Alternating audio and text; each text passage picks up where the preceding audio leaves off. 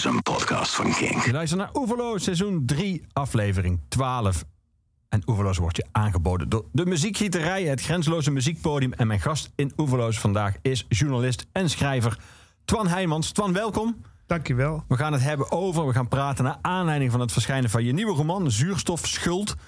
Uh, met, een prachtige, uh, met een prachtig omslag. Laten we daar het meteen over hebben. Want we gaan dadelijk naar een nummer luisteren, Half of the Way. Dat eigenlijk aan de basis, althans het album waar dat nummer op staat, aan de basis heeft uh, gestaan van, van dit omslag. Want de hoes, die zie ik nu ook al voor me op het scherm, van het album lijkt eigenlijk heel erg op de cover van jouw boek. Ja. Want jij, jij, had, jij had die plaat al thuis liggen, las ik ergens. Ja. En dacht, die past eigenlijk perfect bij het verhaal wat ik wil vertellen. En toen ging je uitgever op zoek. En toen bleek het een Nederlandse maker te zijn. Ja, ja. ja, ik heb het uiteindelijk zelf gevonden. Maar het was raar, want die, die, ja, dat is Vulfpack is een band, een beetje een rare band. Maar ik hou ervan, dus ik bestel altijd als ze doen dat crowdfunding. Dus dan bestel ik hun... Uh, LP in. Uh, je bent een van die mensen die dat zo'n album dan mede mogelijk maakt. Ja, precies. Ja. En dat is heel leuk. En dan zie je van zoveel mensen moeten, moeten meedoen. En op een gegeven moment heb je het. En dan stuur ze allemaal mailtjes van. Nou, hij komt eraan hoor. Over drie maanden. en deze heeft, die is uh, een hele goede LP. Maar ook, ook een hele mooie, uh, mooie cover. Ja. En de, ik zat ernaar te kijken. Ik zat te schrijven. En toen zat ik ernaar te kijken. Ik denk dat is gewoon heel, dat is eigenlijk mijn boek. Heel grafisch vormgegeven bergen. Heel, lijkt heel eenvoudig. En toen ben ik gaan kijken, nou ja, naar de, op zoek naar de, de, degene die dat gemaakt had. En dat bleek uh, een Nederlands kunstenares die in, uh, in Canada in de Rockies woont. Ja, Christina. Christina Rijneveld, ja. ja. ja. En uh, dus ik heb haar meteen opgezocht en toen heeft de uitgeverij contact gezocht. En uiteindelijk, nou ja, heeft ze dit gemaakt als, voor het omslag. En, en Roald Tribels, die die de omslagen ontwerpt, die heeft daar verder, uh, verder prachtige, ding van gemaakt. Dus het is eigenlijk heel. Uh, ja, ik hou daar heel erg van.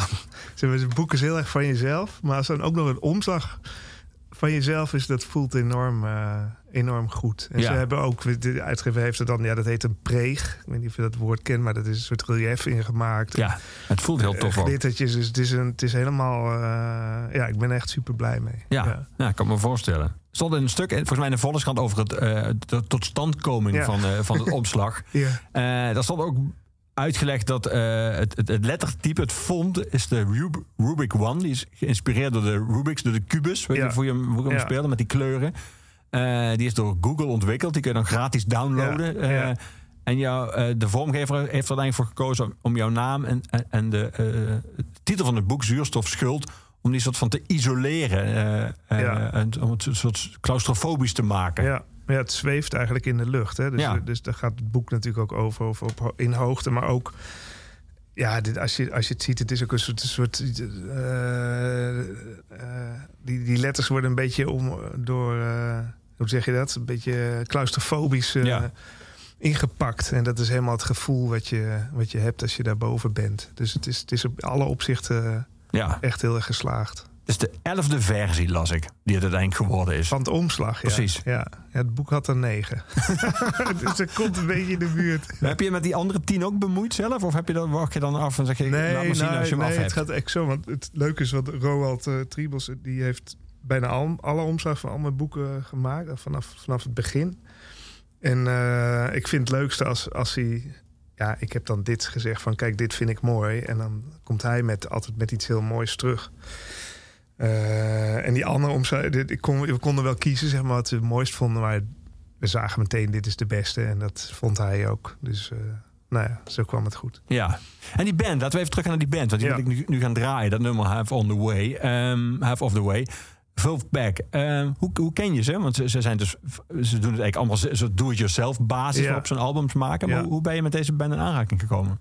Het is zoon van een vriend van mij, die, uh, zoon van mijn beste vriend, moet ik zeggen. Jonathan, die kwam, die kwam naar mee. En hij, uh, uh, ja, en wij waren meteen, uh, ja, ik vond het meteen geweldig, omdat het, het is heel erg uh, low-fi, zeggen ze altijd zelf. En het zijn, het zijn enorme van die, van die uh, conservatoriumjongens aan de ene kant. Dus het is ontzettend goed op, op, op hun instrumenten. En tegelijk is het eigenlijk gewoon pure funk.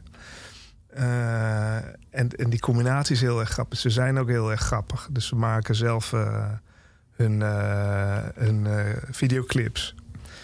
voor YouTube en zo. Nou, dat is echt, nou ja, de een is nog dwazer dan de ander, maar dat geeft heel erg hun manier van muziek maken. En tegelijkertijd zijn ze technisch en ook uh, muzikaal gewoon supergoed. Dus het is, het is echt, het lijkt net allemaal heel los en heel erg, het is bijna punk manier waarop ze muziek maken. Misschien was ze bij punk vroeger ook. Hè. Het leek allemaal heel erg alsof ze maar wat deden. En ondertussen is het over alles is nagedacht. Uh, dus dat vind ik heel mooi. En de lol. Gewoon ja. de ontzettende lol die eruit... Uh, ze hebben één uh, groot optreden in Madison Square... Hoe heet het? Madison... Square Garden? Square Garden gedaan. En er is ook LP van natuurlijk. Maar ook, Zelf als headliner? Ja. Dat, is, ook zelf geregeld. Met allemaal, er gaan 18.000 mensen in. Ja, was uitverkocht. ik heb zelfs nog getwijfeld, moeten was pre-corona. Dan kon je nog vliegen, zeg maar. maar er werd toch iets te, te gortig financieel. Maar de, ja, dat is echt een idiote show. En, uh, maar ik word, er altijd, ik vind, word er altijd heel vrolijk van. En, uh, Heb je ze ooit live gezien dan? Niet die show, maar... Nee, ze zijn wel in Nederland. Je hebt uh, de gitarist Cory Wong. Die heeft volgens mij een jaar voordat ik, hem, voordat ik ze ontdekte, zeg maar... In, in, Amsterdam opgetreden. Maar ik hou het nu wel in de gaten. Ja. dat ze de eerst, zodra ze ergens in de buurt komen, dan... Dan ga ik kijken. Ja. Wat je net vertelde, we gaan meer muziek voor jou draaien in deze oeverloos. Maar geldt dat vaker of misschien zelfs uh, voor alle muziek die jou dierbaar is? Dat je, uh, wat je over hun zei, dat je meteen toen je het hoorde het je greep? Of heb je ja. muziek die je aanvankelijk misschien niet zoveel doet, maar die langzaam zo in je groeit? Nee, dat toch wel, wel het eerste, ja. En dat is al vanaf heel jong heb ik dat. Maar ik, kan, ik ben ook zo iemand die dan op Spotify een beetje kan zitten grazen. En dan gewoon maar de eerste tien seconden en dan, ik weet eigenlijk al wel meteen of ik het uh, oké okay vind of niet. Ja, zeg liefde op het eerste gezicht of ja, niet. Ja, ja, ja, ja, ja, dat is zo. Ja, we gaan ze draaien. Half of the way.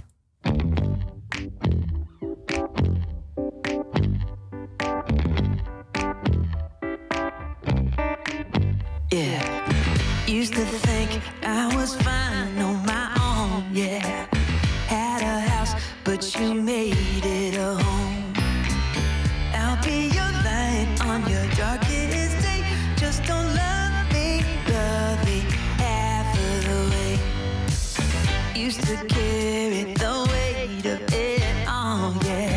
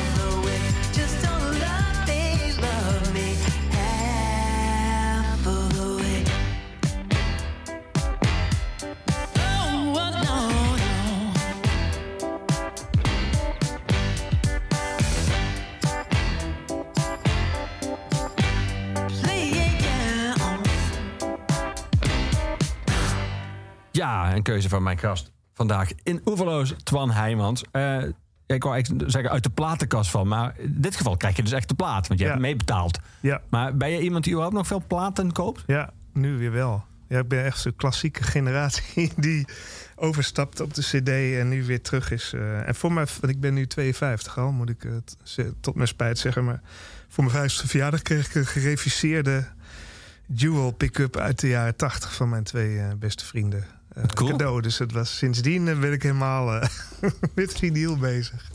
En had je, heb je je vinyl nooit weggedaan? Heb je het altijd bewaard? Ik ook als mensen die het dan ooit hebben weggedaan toen de CD kwam bijvoorbeeld. Ik gruwelijk ja. spijt hebben nu.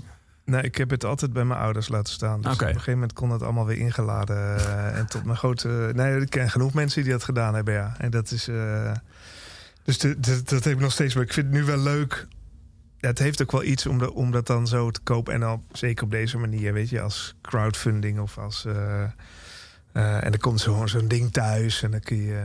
maar het is niet meer zoals vroeger dat je, na, dat je naar de bibliotheek ging of naar de platenzaak... en dat je dat hele middag tot je eruit werd geknikkerd... omdat je niks kocht, maar alleen maar zat te luisteren.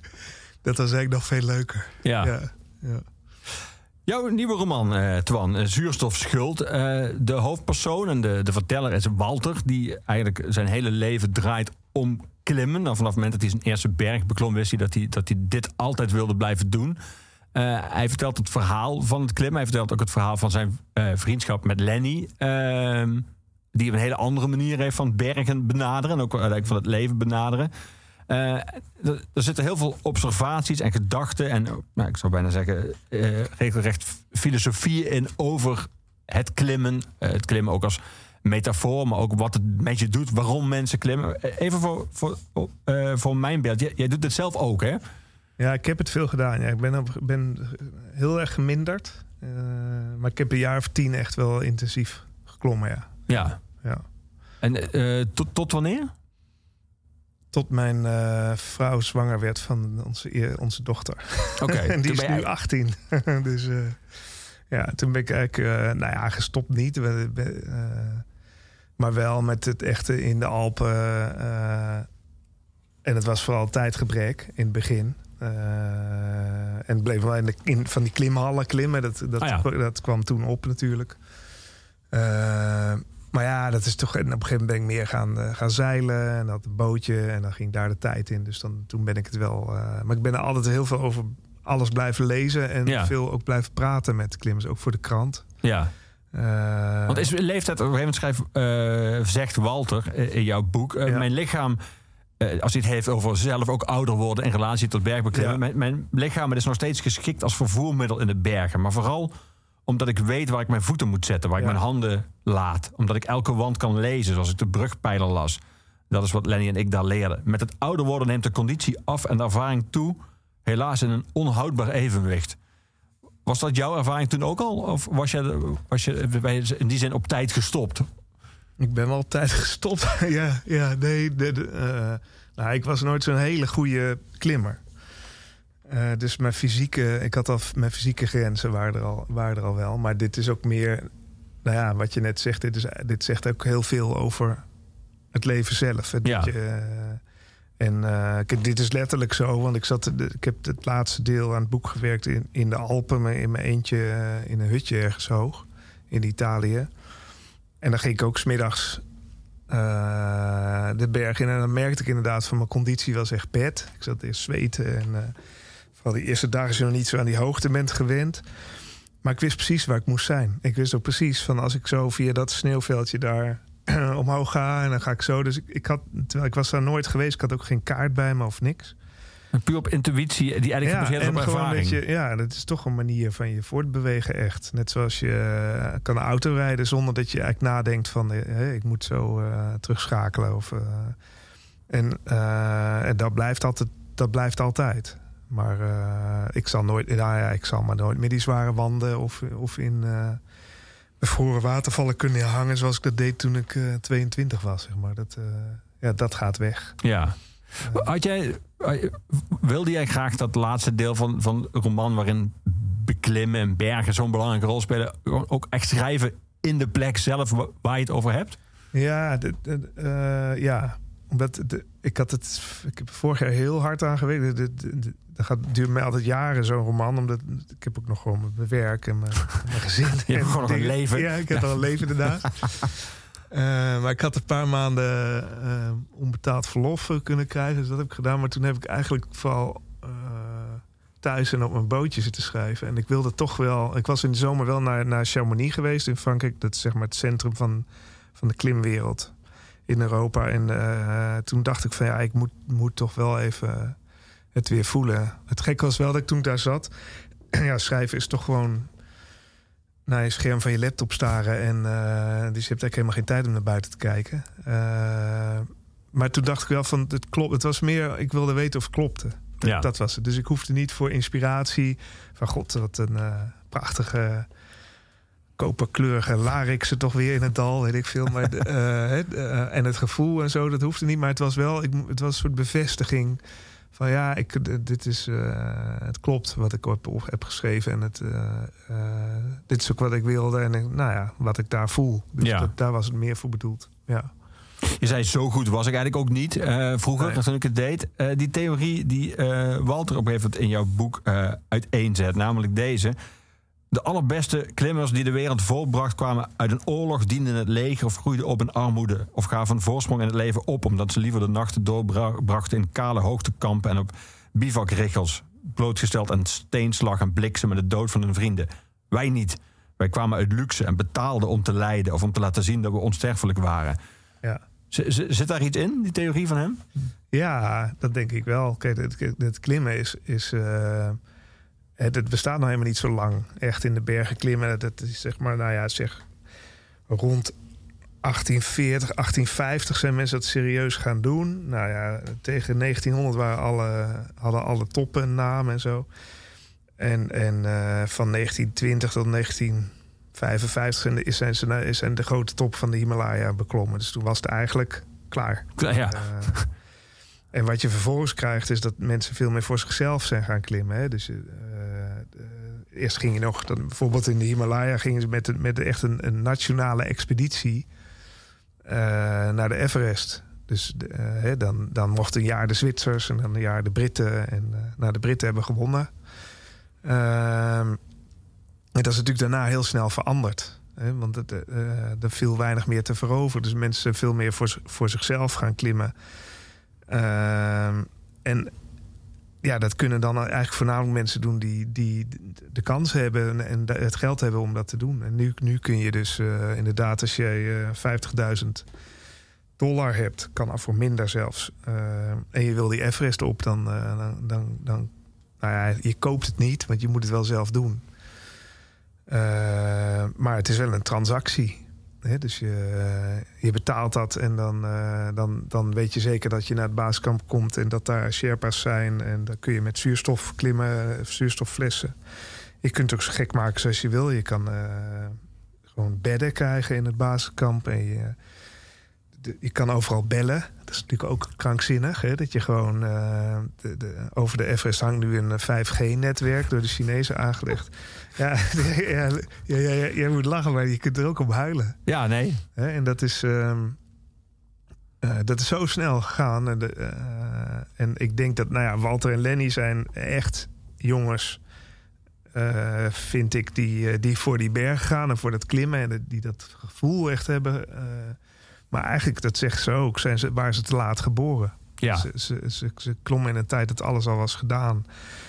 En eh, ja, denken dan van, oh ja, wa- wat doen we hier dan, dan eigenlijk nog? Zeg Ja. hè? En dat is, eh, nou, dat is wel echt veranderd. Ja, en, de, en je hebt die verhalen, zeg maar. Dat is een prachtig boek over eh, Chris Bonington, een Brit, die de meest idiote dingen heeft gedaan. Dat was iemand uit de gegoede klasse in, in Engeland.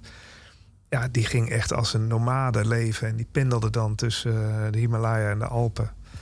Om daar steeds bijna dood te gaan, zeg maar. Zo kun je het eigenlijk samen. Ja, ja. Eh, ja, is prachtig, maar dat is wel ander klimmen dan wat je nu, dan wat je nu ziet. Walter schrijft gegeven moment, zegt gegeven moment... het basiskamp was een amusementsterrein geworden. Ja, Hij ontmoet ook iemand die daarna een, een hele belangrijke rol in het boek gaat spelen. Monk, eh, die is, Ja. is een stuk jonger. Eh, en die ziet hij in eerste instantie, eh, als hij hem ziet, ziet hij een jongen staan met een selfie stick. Ja. Die is schuin omhoog eh, en, en die aan het praten is. En hij denkt dan even, tegen wie heeft hij dan? Maar die blijkt dat hij gewoon een, zeg maar een Insta-filmpje op het nemen Ja. is. Ehm, zoals jij die monk beschrijft en zoals Walt hem in het begin ook ziet, is het eigenlijk iemand van een soort van de, de bucketlijst generatie. Van, Ja, van alle dingen die je in je leven een keer gedaan moet hebben, hoort dan deze ook bij. ja, ja. ja, en die heb je ook wel. Het is een. In Monken heb ik een Canadees gemaakt. Ja, Maar er is een Canadese jongen die op YouTube inderdaad eh, eh, dat soort filmpjes maakt. En die zie je dan in eh 4,5 minuut de Show You opgaan. Of de, en, die- maar de, de, de- en daar heb ik heel lang naar zitten kijken. En ik dacht altijd van inderdaad, van, ah, dat, dat is niet het echte klimmen. Tot ik erachter kwam dat het eigenlijk wel het echte klimmen was. Want je hebt dus hè, die rijke zakenmannen... eh, of gewoon mensen die heel lang sparen en dan zich inkopen in een expeditie. Maar deze jongen, die eh, klimt solo in zijn eentje. Zonder zuurstof eh, in zijn rugzak. En die doet het toch maar wel. En onderweg maakt die filmpjes. Op een gegeven moment, ik had, zat er heel vaak te kijken, die films van hem. En toen dacht ik op een gegeven moment. Eigenlijk is, doet hij wat ze vroeger deden. Alleen hij, hij zoekt wel het, het echte avontuur nog van die berg. Ja. En, eh, eh, dus toen draaide het om. En dat is in het boek eigenlijk ook omgedraaid Ja, natuurlijk. ja. Dat Walter als vijftiger eerst denkt van... ja, eh, rot op, hè, wat heb ik met jouw Insta-filmpjes te maken? En langzaam komt hij toch achter van ja... hij, hij is eigenlijk een beetje mij. Zoals hij was. zoals hij wel, ja precies. En wat hij kwijt is geraakt. Ja. Dus dat is de, ja, de manier waarop ik dat heb, heb gebruikt. Maar je hebt nog steeds... Er zit nu een Nederlandse jongen op de Everest, eh Roland van Os, de, een klimgids. Echt een hele goede klimmer met, met zijn vriendin, met z'n tweeën. En die gaan zonder steun, zonder eh, zuurstof, de, zonder Sherpa's eh, die berg op. Dus het bestaat nog. Maar het, zijn wel, ja, het is wel de minderheid. ja. Ja. Want hoe bezie jij bij die jongen waar Monk op gebaseerd is eigenlijk, eh, kentelde eigenlijk jouw blik erop? In eerste instantie had je een soort Ja. afkeer en daarna dacht je, nou, wij doen het in ieder geval nog op de, zeg maar, op de manier zoals het ooit bedoeld was. Ja. Namelijk een, zeg maar, de meest pure, bijna Spartaanse vorm, alleen dan wel met een selfie stick erbij. Ehm, maar bijvoorbeeld zo'n ontwikkeling die Walter dan schetst van zo'n zo'n basiskamp dat een amusement. Ik moest een paar keer ook denken aan eh, eh, het laatste boek van Ilja Leonard Pfeiffer, uit Europa, over Ja. dat iedereen op zoek is naar een soort Ja. authentieke beleving. eh, En al die authentieke belevingen worden een soort belevenis. En uiteindelijk wordt het een soort industrie waardoor het niet meer authentiek is. Dat is een soort tragiek van. Ja, dat is ook, is ook zo. En ik heb in het boek ook, staat ook het verhaal, het waar gebeurde verhaal van de CEO van Walmart. Die grote Amerikaanse eh, supermarktketen. En die gaat in twee weken eh, eerst het Choa berg van eh 8100 meter hoog ongeveer. En daarna de Everest. En die is zich thuis voorbereid door in, in druktenten te slapen.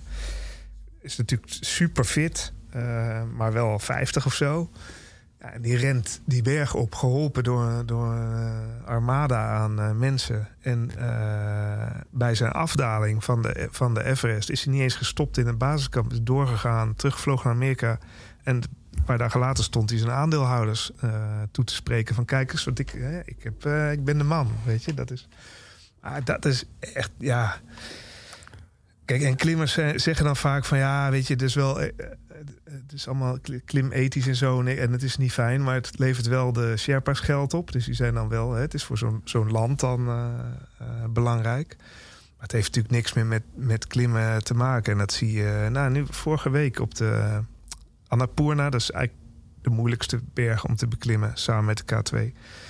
Eh, daar waren klimmers die kwamen niet verder. Die hadden, die, omdat het te veel ijs was, die hadden meer touw nodig. Nou, er is er een helikopter uit Kathmandu overgestegen. En die is tot 7000 meter. Dat, daar, daar kon tien jaar geleden nog geen helikopter komen. En die heeft daar 800 meter klimtouw gedropt en nog wat extra zuurstof. Ja, weet je, dat, dat is, ja, dat is het niet. Nee. Als, als je vast komt te zitten omdat er te veel ijs is, dan kom je vast en dan zorg je dat je naar beneden. En dan doe je het volgend jaar, probeer het nog een keer. Dat is eigenlijk het idee van, van klimmen. Ja, En zo, zo, zo zie je dat er steeds verder opschuiven. En, eh, ja, en die land Nepal en Pakistan, die hebben heel veel... Nou ja, die willen graag mensen. want Het levert veel geld op. ja. En wat je nu ook ziet, is dat die Sherpa's zelf gaan organiseren. Dus die, die, die expeditiebedrijven waren altijd van West, westerse mensen. Zijn nu steeds vaker Nepali bijvoorbeeld. Ook een goede ontwikkeling. Maar het echte eh, alleen zijn met de berg is er gewoon niet meer bij. Nee. Nee. En dat is, eh, ja, dat is ook wat, wat Walter, die, die vertrekt natuurlijk met een expeditie naar zijn laatste, wat ik dan maar zijn laatste berg noem. En eh, keert zich meteen van die expeditie af. Want die, het, hij, hij doet het alleen maar omdat hij dan die berg mag beklimmen. Eh, en die probeert dat ook te zoeken. En dan komt die monk tegen Ja. die hem lastig gaat vallen en vraagt: "Oh, kun je, even, kun je me even filmen terwijl ik mijn tent opzet? Ja, dat was dan niet de bedoeling. Ja. Maar eh, nee, het is, het is. Ja, weet je, de, eh, het basiskamp van Mount Everest aan de zuidkant heeft twee. eh, noem je dat? Luchthavens, twee eh, landingsbanen. Aan de noordkant en de zuidkant. Ja, dat zegt eigenlijk al genoeg. Ja. Dat het, eh, en vroeger de eerste. Ik heb die route ook gelopen. De, de, de originele route van eh, naar de Everest Basiskamp. Die, die begint waar de weg ophoudt. En dan is het twee weken. Moet je echt hard lopen om het in twee weken te halen. Echt door dat gebied heen. En dan, dan, bij die, bij, dan slaap je bij die mensen thuis. En, en dan ineens na een dag of zeven. En dan zie je de eerste hoge. eh, en, en nog wat later zie je de Everest voor het eerst. En dat is heel. eh, dat is eigenlijk veel mooier, denk ik, dan die hele berg beklimmen Ja. ondertussen. Maar zoals jij Ja. dat nu beschrijft, is dat ook een oefening en geduld die misschien nu Ja. in ongeduldige tijden, eh, waar we natuurlijk al bezig zijn als de 5G zo langzaam is, dat het drie seconden duurt om iets te downloaden, is dat gewoon niet meer op te brengen voor veel mensen. Nee, dat is het, ja. En dat is inderdaad, want het, je moet daar in zo'n basiskamp zit je toch heel lang te wachten totdat je lijf klaar voor is. Dus je gaat steeds omhoog en naar beneden en omhoog, totdat je genoeg rode bloedlichaampjes hebt. En daarna is het wachten op het weer. Ja, En dat is, eh, ja, dat kan ook heel oerzaai zijn. Om, eh, om, om twee weken lang. En dan zit je daar, ja. En je hebt één boek bij je en dat heb je al tien keer gelezen. ja. Eh, ja, probeer dan maar eens gespitst te blijven op die beklimming, zeg maar. Dus het is inderdaad heel veel wachten. ja. ja. We gaan muziek draaien, Twan. Eh, en muziek Ja. voor jouw keuze. Iemand die vorig jaar in oktober helaas eh, is overleden, MF Doom. Eh, rapper waar altijd een soort van mysterie omheen hangt, ook door dat masker. Ehm, hoe, hoe, kwam, hoe kwam je met zijn werk in aanraking? Was dat meteen met zijn, eh, met zijn debuut, Operation Doomsday? Nou, later eigenlijk pas. Hm. Maar ik ben altijd een enorme hip-hop fanaat geweest. Eh, en ehm, dus ik zat te zoeken van wat moet ik dan, moet ik dan in godsnaam eh, doen? Hè? Of iets van nu of een. eh, want er wordt gelukkig nog steeds wel goede hip-hop gemaakt. Maar ik vind hem interessant omdat, wat je zegt. Hij is, hij, hij is, het is een beetje een rare figuur waarvan niemand echt precies weet wat. Hè? En dat is een beetje Brits en half Amerikaans. En raar leven en een masker op. En, maar ik vind hem echt. Ik vind hem eigenlijk wa- wat hij maakt, is hoe je wil dat hip-hop is. Dat rappers zijn. Hij is super authentiek, zit geen greintje eh, bewerking bij. Eh, zijn teksten zijn eh, ontzettend goed. Echt, hebben, sommige zijn echt gedichten soms. Ja. En ze zijn heel. en hij heeft wel dat wat ik meteen moet hebben, zeker bij hip-hop, dat je meteen denkt: ja, dit is. dus wat ik bij dit nummer, wat ik, wat ik heb uitgekozen, eigenlijk in de laatste fase van het schrijven van het boek, dat is de, de, de, vreselijke fase, noem ik dat altijd. Als je eh, het weer een keer doorleest en weer, en dan weer dingen verandert of weer niet. Of, eh, en dat is heel vermoeiend. En als het dan klaar was na een dag, dan, eh, dan gaat keihard ga ik dit. En dit kan ik ook gewoon tien keer achter elkaar draaien. Het album of zelfs één Eh, nummer? Zelfs een nummer, ja. Dat is heel raar. Maar er zit, een- het is een beetje een raar nummer, want er zit een heel rare sketch, eh, sample door, dwars doorheen. In het begin denk je, ah, wat is, het, het klopt niet, of het is, het is gek, of het. eh, maar als je daar gaat wennen, dan, ja, nee, dan kan ik het echt door, doordraaien. Ja, daarom. Maar ook een beetje te eren van hem, omdat hij, volgens mij was hij even oud als ik zelfs. Ongeveer. Ja, is heel jong, ja. Eh, net 50 of net. Dat vind ik dan ook wel weer, eh, weer sneu. Ja, Ja. we gaan hem luisteren. MF Yep. Doom. Mic check.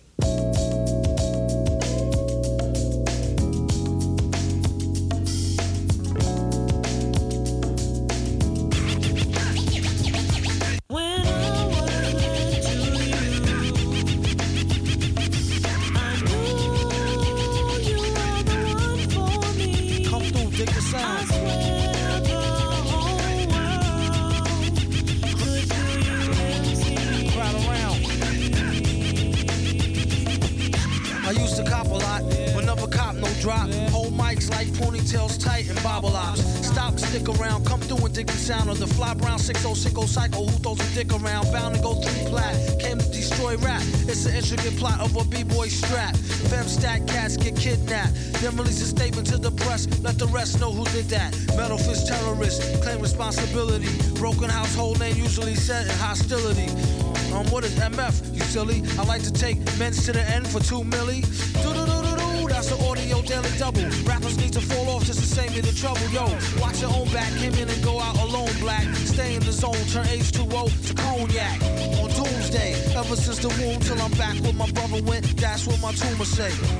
Right above my government doomulate. Either unmarked or engraved, hey, who's to say? I wrote this one in BCDC O section. If you don't believe me, go get bagged and checked in. Cell number 17, I'm under the top bunk. I say this not to be mean, was bad luck a pop junk. Pop the trunk on C-side for punk, leave him left scrape. God forbid, if ain't no escape, blame MF tape. Definition super villain. A killer who loved children, one who is well skilled in destruction as well as building. While Sidney Sheldon teaches the trife to be trifer. I'm trading science fiction with my man, a live lifer. A pie piper, holler a rhyme, a dollar and a dime. Do his thing, ring around the white collar crime. Get out my face, asking about my case, need toothpaste. Professor mint, monkey style nigga to death to death. And dope fiends still in their teens. Shook niggas turn witness. Real men's mind their own business. That's the difference between sissy pissy rappers is double dutch. How come I hold a microphone double clutch? COs make rounds, never have ox found on shakedown, lockdown, wet dreams of Fox Brown.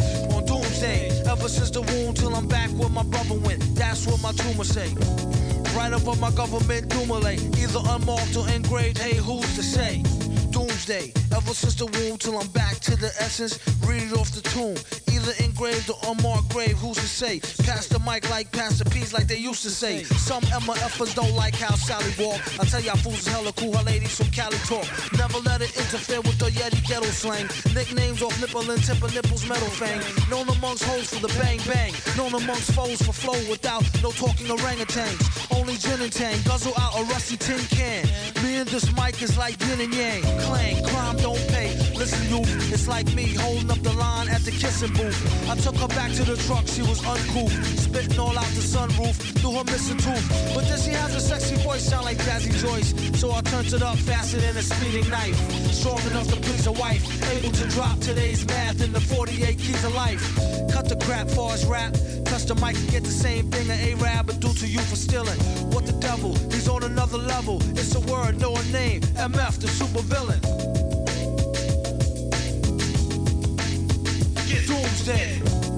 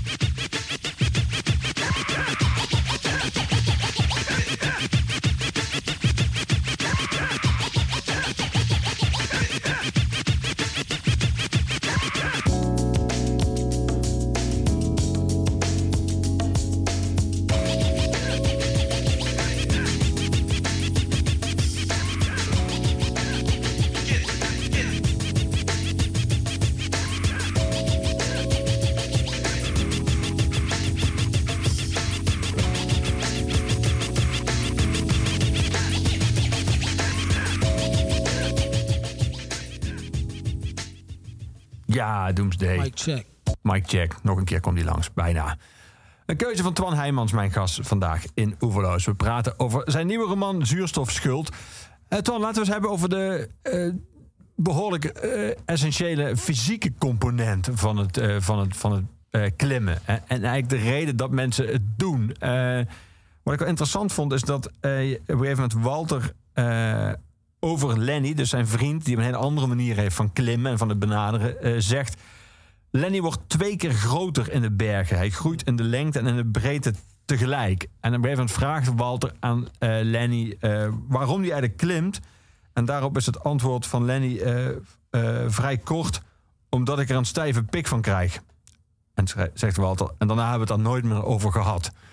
Ehm, dat idee van eh, een berg bedwingen en eh, een soort van eh, de elementen te lijf gaan. En is dat een belangrijk onderdeel van klimmen? Zit er ook iets, iets een soort kick of een soort ego-boost in? Of misschien ook wel iets wat sommige mensen ervaren als een soort van mannelijkheid die opgeblazen wordt of aangesproken wordt? Zit er allemaal in. Allemaal. ja, nee. Mooi. Ja, ik zit even, dit, ja, dat is voor iedere persoon. Maar zeg maar, van mij, het- het- toen ik begon met klimmen, was het puur het gevoel dat je, dat je in staat bent om dat te doen. Dat je, de, dat je lijf en je, je genen zo zijn geprogrammeerd dat je, dat je gewoon eh, recht omhoog kan. Of dat je zelfs ondersteboven kan klimmen. Eh, eh, en, en dat, dat vond ik naast dat, dat, je, dat ik heel graag in de bergen was, omdat dat, dat gewoon een heel fijne omgeving vind. Maar vond ik dat eigenlijk een hele openbaring dat je, eh, nou ja, dat dat kan. En dat, dat nou ja, Walter omschrijft in het boek, geloof ik ook, eh, als, alsof je leert autorijden of leert fietsen of leert lopen zelfs. En dat is het eigenlijk, of zwemmen. Het is een manier om je voor te bewegen. Eh, en daar begon het voor mij echt, echt dat, dat is echt puur gevoel. Ja. Eh, dat je omhoog gaat en dat je echt denkt van ja, wauw. En hé, hey, ik, kan, kan op hele kleine rotspuntjes, daar kan ik eh, mijn voeten op zetten. En dat moet je echt leren, want dat, eh, dat is heel eng. Je kan ook omhoog lopen tegen eh, wanden die, die spiegelglad zijn. Als je dat op de goede manier druk zet. En, eh, ehm, dus dat vond ik heel, heel, eh, heel interessant. En ja, voor, Kijk, je hebt wel echt van die macho-klimmers natuurlijk. Die dan eh, de, eh, ah, voor de top. Maar de, de, de echte, meest echt goede klimmers die ik ken. Dit zijn vaak tegendeel van macho's. Een beetje, Ja. eh, En Dat mannelijke vraag ik ook, omdat je Ja. één hoofdstuk wijdt aan Addison Hargraves, een klimmer. Ja, Alison Hargraves. Ja, Ja. en dan haal je wat krantenkoppen aan over haar. Zelfs de Independent, die schreven... Ja. moeten moeders bergen beklimmen. En in Ja. de Sun eh, was eh, een commentaar... hun mama over de kinderen wordt, vond het belangrijk... om een gevaarlijke berg te beklimmen... dan ze s'avonds in te stoppen. Ja. Eh, dus kennelijk heeft er vroeger eh, zo'n idee bestaan... dat dat iets is, niet alleen van mannen... maar ook echt alleen maar voor mannen. Ja, en het, het, nou, niet eens vroeger, want, want Alison Hargraves die stierf in 1995 op de K2. En Ja. die werd toen echt, die werd echt kapot geschreven. Ja, Eh, eh, ze inmiddels toch wel vroeger hoor. is toch alweer ja, 2,5 maar voor- decennium geleden. Voor ons niet, hè? dat is. eh, nee, ja, dat is zo. Maar de, de- dat is misschien wel wat veranderd. Maar als je bijvoorbeeld ziet, de eh, vrouwelijke klimmers, en er zit er meer in het boek. Ja, Eh, Wanda Rutkiewicz, Poolse klimster. eh, ja, daar heeft nooit, nooit iemand hiervan van gehoord. Hoeft ook niet, maar het is wel. Zij was wel een van de allerbeste klimmers ter wereld. En er wordt er altijd bij gezegd een van de beste vrouwelijke klimmers. Maar nee, ze was echt een van de beste van, van iedereen. Eh, dus dat, ja, het dat- dat is lang een mannen eh, ding geweest. Komt misschien ook omdat het wel voortkomt uit die tijd dat je echt een berg ging belegeren. Hè, in, de, eh, in de vorige eeuw. En dat je dan eh, als een leger ook echt. Maar, de eerste keer dat de Everest, dat, dat Hillary en Tenzing op de Everest stonden. Dat was gewoon een, een aanval. Met honderden manschappen. En dan eh, die bergen belegerd. Tegenwoordig is dat, eh, is dat eh, anders. Eh, maar dat, dat, ja, dat zit er altijd wel een beetje bij. Maar ik moet zeggen, als je klimmers tegenkomt, dan zijn het zelden van dat soort types die heel stoer lopen te Ja. doen of enorme spierballen hebben. Sterker vaak zijn klimmers eh, klein en, ja dus en hij, slank. lange spieren krijgen ze? Lang- andere ja, spieren. Ja, Ja. precies. En de, en, eh, en de, de, de, goe- de, de echt goede klimmers hebben altijd iets in hun ogen zitten. Van iets geks. Wat, wat, dat hebben ze allemaal. Wat je, of het nou hier in Nederland Katja Staartjes is de eerste Nederlands vrouw op de Everest. Hele goede klimmer. Of eh, Wilke van Rooyen in Nederland. Of Arnold Messner. Dat is eigenlijk wordt beschouwd als de allerbeste bergbeklimmer ter wereld nog steeds. Die heb ik eens geïnterviewd. Die, ja, die hebben allemaal iets in hun ogen zitten. En wat dat dan precies is, is blijft onduidelijk. Weten ze zelf eigenlijk ook niet. Eh, maar ze voelen het wel. Ze willen wel, eh, willen wel dat doen. Dus ik denk, ik denk dat het heel erg met gevoel uiteindelijk te maken heeft van, van daar willen zijn. En met eh, die berg, dat- zijn, nog, dat zijn nog plekken waar je echt jezelf kan zijn. Want er is verder niks voor als je zo heel hoog zit. Er, is niet, en je hebt ook helemaal geen, geen tijd en energie om na te denken over dingen waar je beneden over nadenkt. Dus Walter maakt ook heel erg onderscheid tussen daarboven Ja, en daar beneden. Ja. Daar beneden zit je toch eh, eh, nog even je telefoon te checken of je hypotheek of weet ik veel wat. En daarboven heb je niks anders. En elke beslissing die je maakt is van belang. Dus je kan ook niet anders dan alleen maar denken aan wat je op dat moment aan het doen bent. Ik denk dat, ze, dat veel klimmers ook daar ook naar terug verlangen. Ik was laatst met eh, van de week Wilco Dekker in, in een boekwinkel. Wilco Dekker heeft twee jaar geleden Everest gedaan. Hele aardige gast. En ja, die, die had het er eigenlijk ook zo over. Dat je, eh, en dat je, als je dan boven bent geweest, hij zei: eh, Toen ik terugkwam in Nederland, heb ik een half jaar moeten wennen om weer beneden te zijn. Om, om weer. Want je hebt iets meegemaakt wat niemand. En, dat, en dat, dat gaat niet uit je hoofd. En je kan het ook moeilijk vertellen, misschien, wat, wat, er, wat er met je gebeurd is. Maar eh, je, je komt echt terug als, als, als iemand anders die een beetje weer opnieuw moet beginnen. Ja, Nou, ik denk dat dat, dat dat heel erg. Vooral de serieklimmers die steeds door willen gaan, dat die dat heel erg, eh, heel erg zoeken. En dat vind ik. Grappig dat je dat zegt, want dat is omdat ze boven zijn geweest. Maar Ja. eh, Walter zegt, eh, toppen zijn feitelijk nutteloos. Ze brengen Ja. niets voort zoals de dalen dat doen. Eigenlijk is eh, zijn stelling een beetje, de dalen zijn eigenlijk relevanter. Ja. In zekere zin. Ja, maar het is ook altijd al geweest. En dus, zeg maar de, de dalen en de passen. Hè, want over Ja. de bergpassen kun je handel drijven en dan kun je vee overheen.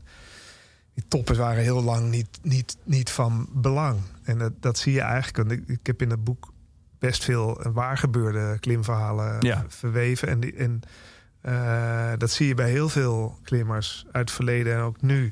Dat ze dat gevoel hebben. Het gaat eigenlijk helemaal niet om die top bereiken. Want dat is, nou ja, oké, dan ben je geslaagd en heb je, en dan heb je het. Het gaat eigenlijk veel meer om, om wat er voor en daarna eh, eh, gebeurt. En, en eh, in het geval van Walter, Walter is. Zeg maar, die komt er eigenlijk achter, of die vraagt zich eigenlijk meer af van wat, heb ik nou eigenlijk gedaan? Hè? Hij is dan een hele goede hij heeft alles gedaan. Nooit iets heel bijzonders, want dat is er niet meer. Nee. En die staat dan bovenop. Daar, daarom wilde ik boek ook per se bovenop eh, een berg beginnen. Eh, en kijkt echt in het, in het niks.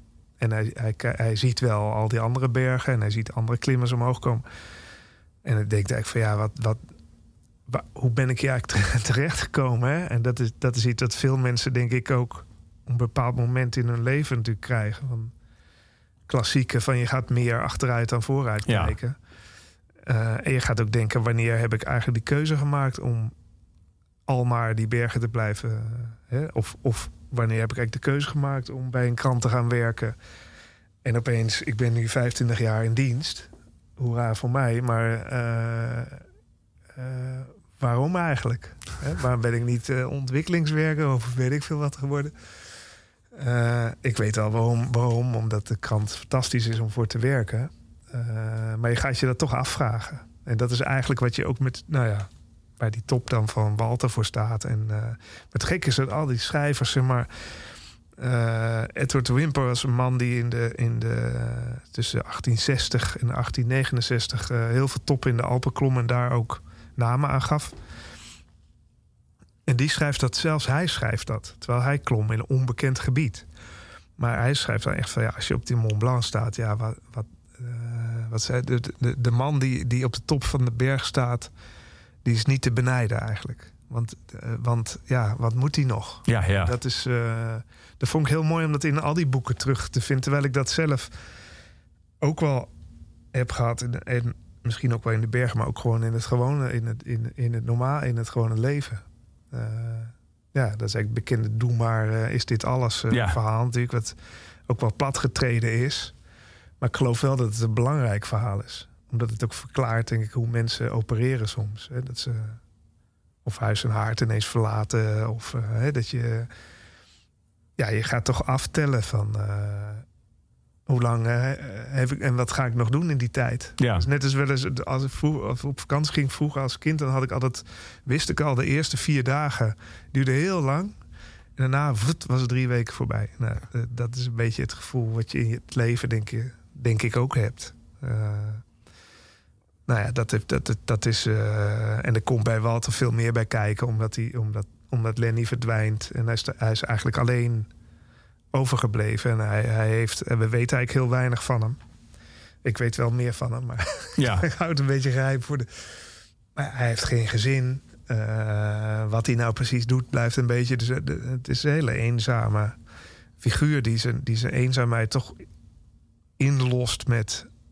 Nou ja, nog maar weer een expeditie. En nog maar weer een expeditie. Eh, ja, en wat, wat, wat, wat, wat heb je dan nog eigenlijk hè, als, je dat, als je dat doet? Ja. Dus, eh, ik heb wel met hem te doen. Eh, ja, dat, dat krijg je dan. Wordt toch een soort huis, huisgenoten, die, die hoofdpersoon. ja. Ja. We gaan dadelijk verder praten over hem en over je boek. We gaan muziek draaien, Twan. We gaan naar Typhoon. Ja. eh, van zijn vorige album, van Louis Di Bassi. Ja. eh, wat inmiddels wat, een nederpopklassieker is geworden. Ja, heeft hij ongelooflijk veel op getoerd op dat album. Van het album het nummer eh, Surfen. Waarom, waarom deze? Waarom dit nummer van, van Typhoon? Ja, dit, ja ik, ik surf zelf. Dat ten eerste, over die wel witsen. Maar wat ik aan hem al vanaf het prille begin dat hij begon zo mooi vind is... Hier hebben we dan een rapper. Ik noem hem blijf maar rapper. Hij is eigenlijk gewoon nou ja, een soort omni-muzikant. Maar die van de natuur houdt. En dat, is, eh, dat heb ik altijd zo fascinerend gevonden. Hoe, hoe hij ook eh, de, eh, de rust van het bos zoekt. En Ja. de- dat is een combinatie die je weinig hebt. Maar hij kan Ja. dat ook echt heel erg overbrengen. Zeg maar. Maar heel veel, en, heel veel hip-hop is natuurlijk heel stads- en vooral ook grote Ja. stad gerelateerd. Ja, precies. En, eh, Bij hip-hop denk ook, eh, heb je meteen een Ja. beeld van New York en van Ja. skyscrapers en van. Ja, en het, ik heb er wel eens eh, eh, lang geleden, dat is wel grappig, maar ik was toen chef van de reisbijlage van de krant. Heb ik een paar jaar gedaan, dat is heel leuk. Maar wij wilden andere vormen van reisverhalen maken. en Zo. En toen heb ik gevraagd of hij een, eh, een eh, reisverhaal wilde maken voor, voor de krant. En toen heeft hij dat, dat heeft hij gedaan. Was trouwens een heel mooi verhaal. Eh, en, maar ook een, eh, rap erbij. Als je kunt nog vinden op YouTube. Als je Volkskrant en Typhoon eh, zoekt. En dat was ontzettend grappig, want daar zat dat dus ook in. En dat, dat gaat over, ging over Marrakesh en dan haalt hij helemaal die hele stad naar boven voor mij. En dat doet hij hier ook. En die, nou, die plaat, wat je zegt, is een klassiek, dus meer dan een klassieker. En dat was hij al vanaf de eerste dag dat hij uitkwam. Dat vond ik ook zo mooi. Iedereen wist ineens, dit is, dit is het, dit is de bom. Ja. En, eh, nou ja, vandaar.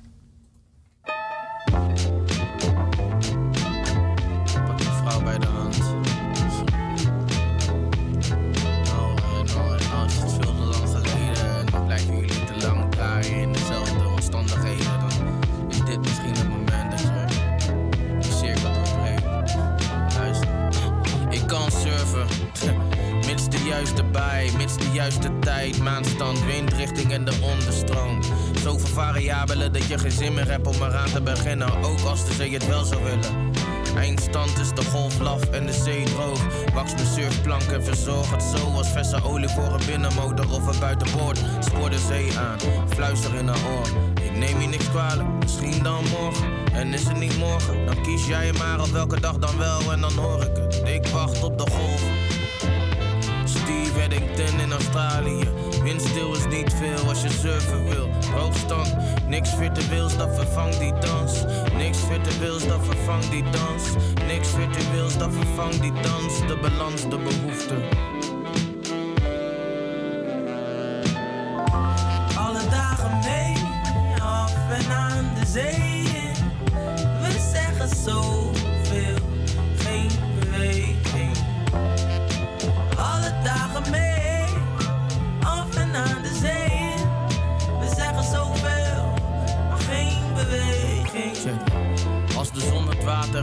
is het goud voor degene die geduld heeft. Al is het voor de vorm. In de pool van oneindige liefde is vorm slechts een bijkomstigheid. En als we toch nog voor de vorm bij elkaar zijn, kan ik dan ook nog voor de vorm aan je zitten? Hoe zit dat? Ik ben zeggen dat ik zonder kan. De mond spreekt uit waar het hart niet over uit is, maar goed surfen dus. Ondertussen kus ik je denkbeeldig en anders vis ik op het net. Gefilterd op wilde zeeën, terwijl het lucht is en ik weet het. Geen kut hier te beleven, ik wacht op de golven. Steve Eddington in Australië. Windstil is niet veel als je surfen wil. Droogstand, niks virtueels, dat vervangt die dans. Niks virtueels, dat vervangt die dans. Niks virtueels, dat vervangt die dans. De balans, de behoefte. Alle dagen mee, af en aan de zee. We zeggen zoveel,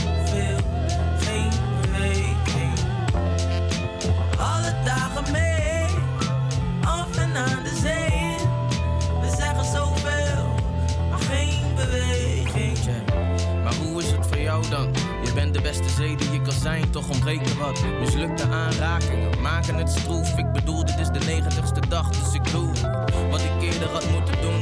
Peddel erop uit, leer je weer opnieuw kennen, neem een duik. Onderzeese beving, ribbeling op het water. Golftoppen hoger en we daar op de golven. Steve Wellington in Australië. Windstil is niet veel als je surfen wil. Droogstand, niks virtueels, dat vervangt die dans. Niks virtueels, dat vervangt die dans. Niks virtueels, dat vervangt die dans. De balans, de behoefte.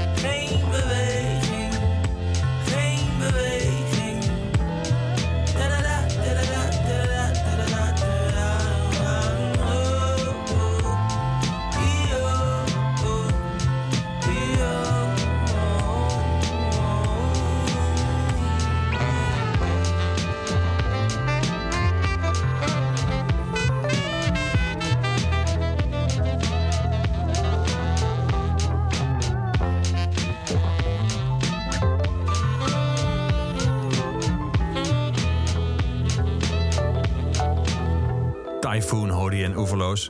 Ja, Twan, je kondigde het net al, of je had het er net al over. Dat de relatie tussen eh, de, de bergen en in de bergen zijn. En ook het, het besef van, van sterfelijkheid. Op een gegeven moment zegt Walter, zegt hij eigenlijk best wel in het begin van het boek... elke dag groeit de berg terwijl ik krimp. Ehm, en je hebt dan Lenny die dan een soort van nog steeds zelf denkt dat hij groeit in de bergen. Maar op een gegeven moment heb je het ook over het, eh, eh, over het verschijnsel dat eh, men- sommige mensen natuurlijk om het leven komen, dat het niet goed afloopt. Ja. En daarover zeggen we altijd, degene die stierven daarboven, stierven niet echt, begreep ik. Ze stopten alleen met leven. Eh, Ja. Hoe bedoelt hij dat? Nou ja, dus, dit- dit- eh, eh, hij, hij denkt er zelf zo over, eh, denk ik. Maar hij, hij bedoelt vooral dat het soms beter is om dan maar achter te blijven op een berg... dan dat je doorgaat met, met een leven wat minder, eh, minder zin heeft. En eh, ik geloof ook wel dat er echt mensen zijn die dat eh, zo gevonden hebben... en ook de, de daad bij het woord hebben gevoegd. Ja, En dat verklaart misschien ook wel waarom er zoveel lijken nog daarboven liggen. Hè? Dus niet, niet in de Alpen, zeg maar, waar ik klom, maar op, op de grote bergen in de Himalaya. Zul je altijd, als je via een, een, een normale route naar boven gaat, dode mensen tegenkomen. En dat wordt ook gewoon geheel geaccepteerd. ja. Eh, en er zijn ook wel eh, eh, verhalen van, van, hè, van mensen die vooraf, voordat ze vertrekken, zeggen van nou ja, als, als ik ga daarboven, dan laat me alsjeblieft daar. Hè? Dat is, want daar ben ik dan liever dan beneden. Mhm. Dus dat is eigenlijk wat hij. Maar is dat ook zo'n soort bijna, ik zou maar zeggen, romantisch eh, idee dat je een soort van uiteindelijk Ja. ultiem samenvalt met de berg, Ja. met de natuur? En je schrijft op een gegeven moment eh, in het boek: eh, er zijn klimmers die hun armen voeden verstenen tijdens het klimmen, die daadwerkelijk deel uitmaken van de rots. ja, Ook wel een mooi, mooi, mooi beeld. Dat je het idee dat je verstenen, dat je zelf bijna steen wordt in, in die berg. Dat, ja, dat is gek, want dat is, eh, dat is me verteld door, door Wim Hof. De- en dat is echt 1997 of zo. Heb ik, eh, heb, maakte een serie voor de krant over mensen die vrij leefden. Helemaal vrij. En hij was er één van. Maar, niet omdat hij... Nu kent iedereen hem als de, de Iceman. Ja, ja. Hè? Ik zie jou Maar hij Instagram was- alleen maar mensen in een, Ja. in een emmer ijs springen Ja. met hem, eh, bij, hem bij aanhalend. bouwen op tv, zeg Ja. maar. Eh, maar hij was een klimmer. En eh, hij had eh, drie of vier kinderen en, en eh, klom zonder touw.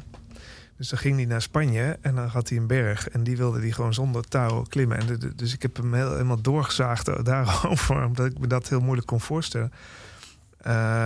En hij zei letterlijk toen van... je voelt je armen eh, rots worden. Dus je voelt je onderdeel worden van, van iets. En toen dacht ik, nou ja, goed, ja, ik weet niet of dat zo is. Misschien komt dat omdat je zoveel stofjes in je hoofd gaan. Als je zonder touw klimt, dat is gewoon.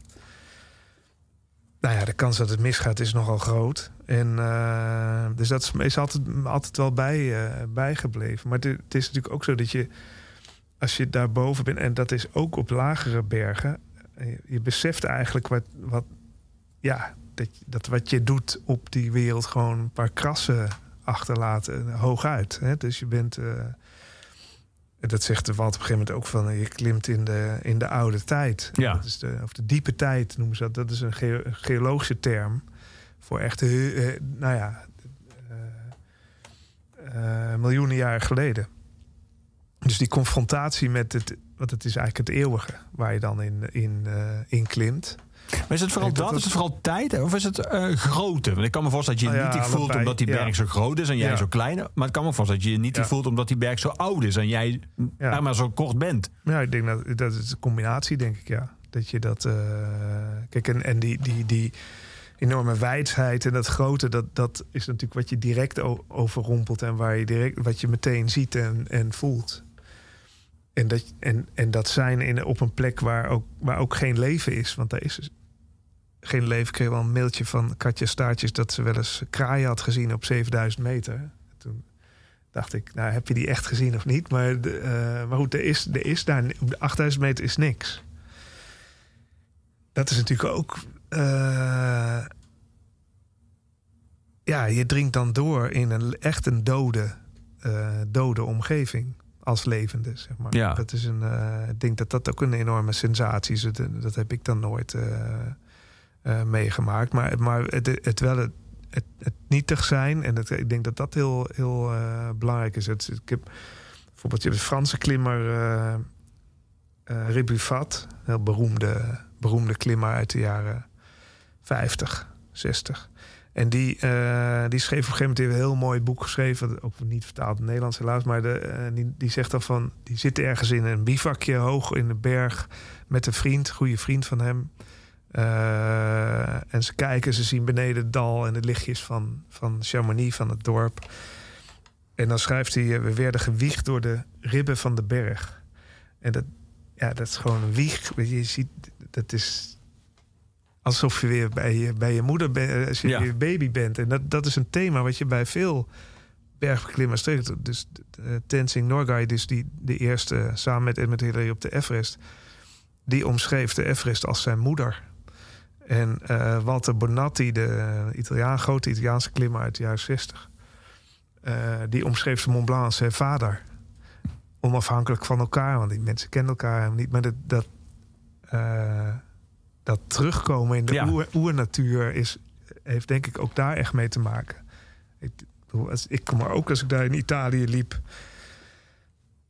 Ja, weet je voelt, het is enorm eh onheimisch en, en heel erg thuis tegelijk. Maar ik vond, vind het dan altijd erg om weer af te moeten dalen. Om dan weer naar, naar beneden te gaan. Dus het, het is, het- kennelijk zit er iets in je. En misschien is dat ook wel genetisch. Of weet ik veel dat je dat... Ja, we zijn zo ver van de natuur afgedreven. Eh, en daar is dat niet. Dan, dan misschien, dan, of dan heb je misschien de illusie dat je erbij hoort. Ja. Eh, ik denk dat klimmers dat wel ook wel zoeken. Dat, dat je eh, nou, letterlijk wordt opgenomen in de, in de berg. En dat is misschien dit wat je zegt.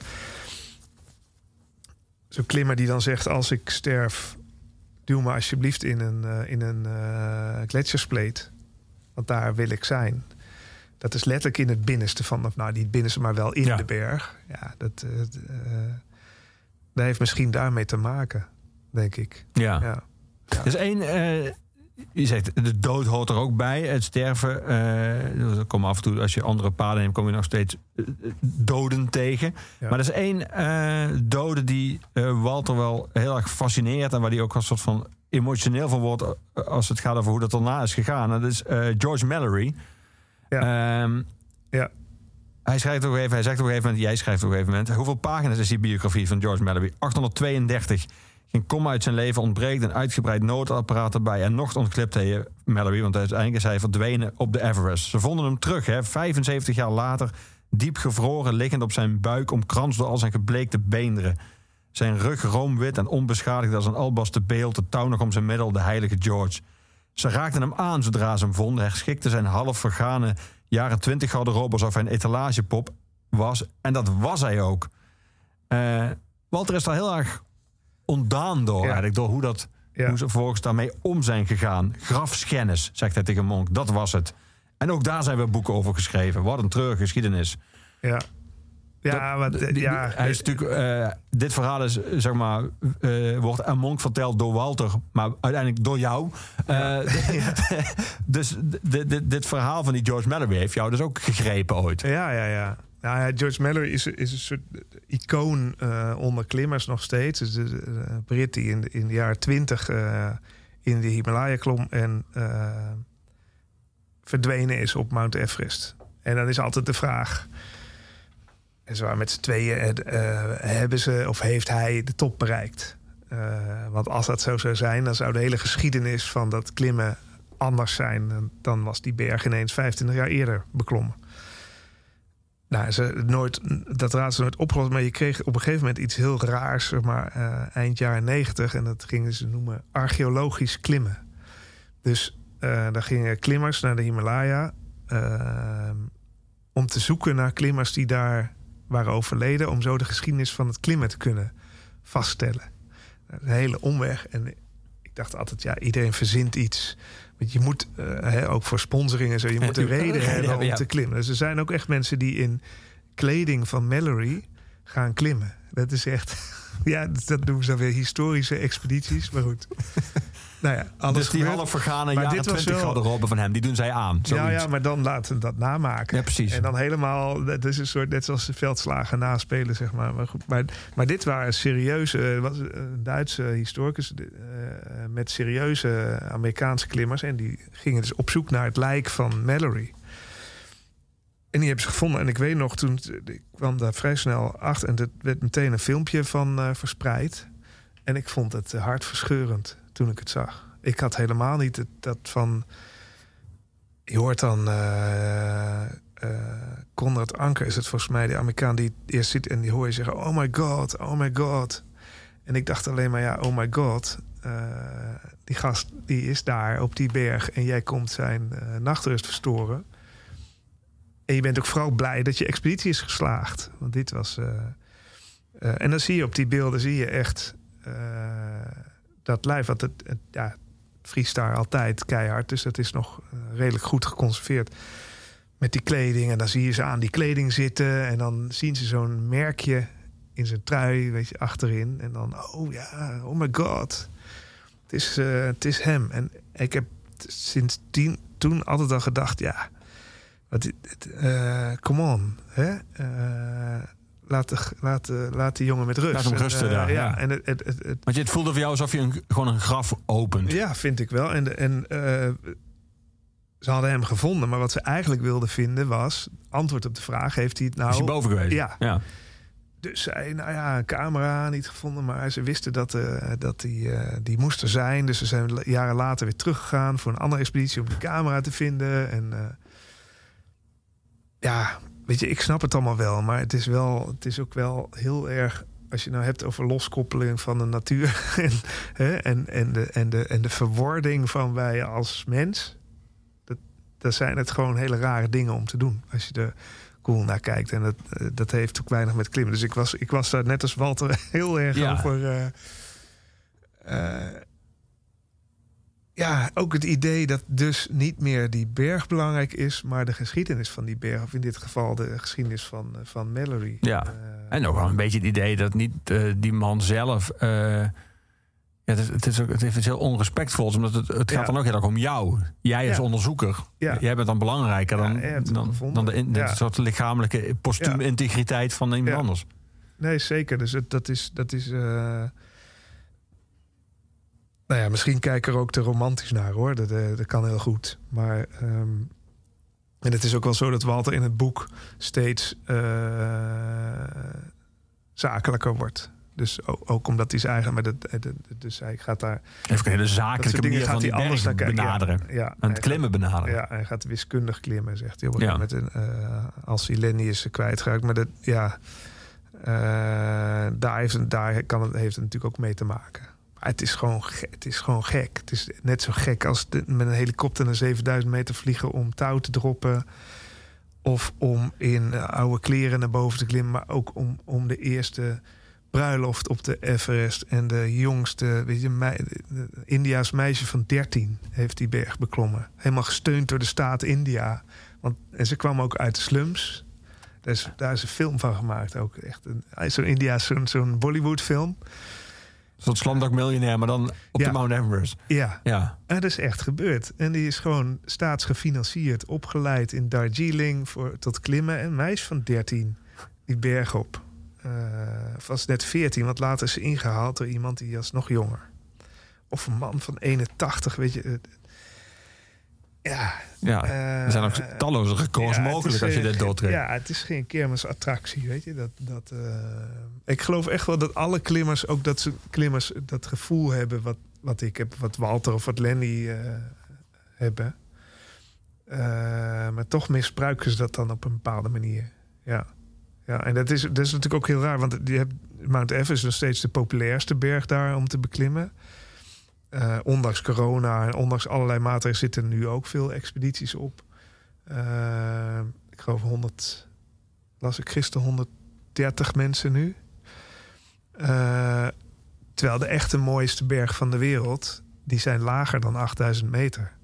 Dus daar hoor je eigenlijk niemand over. Niemand hoor je over het beklimmen van de Nanda Devi of van de Alpe Mayo. Of van de, dat zijn nou echt mooie bergen waar ook niemand meer komt. Eh, dus het is er nog wel. Ja. Hè? Het is, het is, eh, Zeg het maar niet te hard, Wan.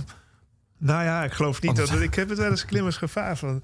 Waarom doe je dan die Everest? Hè, dan sta je in de rij en dan. eh, ja, come on, dat heeft iedereen toch. maar dan is het toch, ja, ja toch de hoogste. Hè? Toch de, terwijl. Ja, ze hebben heel lang gedacht dat Nanda Devi de hoogste berg was. En toen gingen ze daar allemaal op klimmen. Nou, eh, en sinds dat niet meer zo is, zie je er niemand meer. Dat is natuurlijk best wel raar. En ook wel zonde, want dat klimmen gaat toch om. gaat niet om de hoogte, uiteindelijk, vind ik. Nee. Ja. De enige oplossing is vrees ik als er ooit in Dubai een kunstmatige nog hogere berg Oh ja, wordt gebouwd. Geloof maar dat het ooit gaat gebeuren. Ja. dat denk ik wel. Zie het helemaal voor me. We gaan muziek draaien, Twan. Van jou, eh, uit jouw eh, keuze, van jouw keuze. Eh, Make My van The Roots. Ja. Eh, waarom, waarom The Roots? Heb je ze als live gezien? Nee. Oh, het klinkt alsof het een pijnlijke vraag Heb jij is. dat ooit gezien? Heb jij het ooit live gezien? Nee, ik ben niet bij die legendarische Paradiso-concerten geweest, Nee, helaas. Nou, ik denk... Ik denk nou eh, de Roots is gewoon altijd overal. Daar heb ik is voor mijn idee. Het is zo'n eh, soundtrack van, van ook van heel veel artiesten en zo. En ze, ze hebben niet eens zelf zo heel veel cd's gemaakt. Nee. Het is echt... eh, eh, volgens mij hierna nog één. Dat weet ik niet eens precies. Maar gewoon het, geluid, maar ook weer de, eh, dat muzikale gevoel. Elke noot is gewoon muziek en, en plezier. Er zit ook volgens mij geen greintje commercieel gedoe bij of zo. En als je, ja, die drums is gewoon. Mijn beste vriend is drummer. Dus van jongs af aan zaten we altijd al met jazz en met nou ja, eh, dat allemaal te luisteren. En, en eh, dat is zo ontzettend goed. En dit, dat, je, dat je in staat bent om een hi-hat zo te laten klinken. Dat iedereen meteen weet wie dat speelt. Nou, dat vind ik zo mooi. En dit is ook, dit vind ik een heel. Nou ja, het is een bijna emotioneel nummer eigenlijk wat ze, wat ze gemaakt hebben. Dus ik dacht, ik, ik, ik doe. eh, ik wilde eigenlijk Nile Rodgers doen. En toen dacht ik, eigenlijk zijn zij de nieuwe, de nieuwe Nile Rodgers en de nieuwe Chic, zeg maar. De, ook de- de tientallen jaren zijn ze overal. Ja, daarom.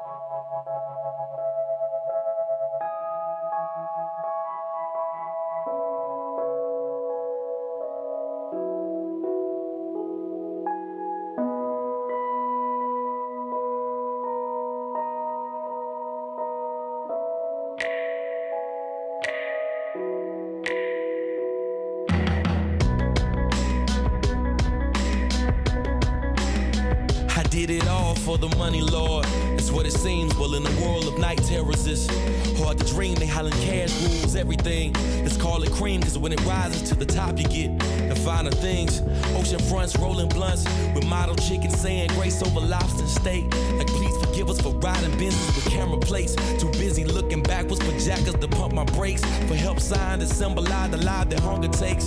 Addicted to the green, if I don't ball, I get the shakes. I give it all for a peace of mind, for heaven's sakes. My heart's so heavy that the ropes that hold my casket breaks. Cause everything that wasn't for me, I had to chase. They told me to that take. the ends won't justify the means.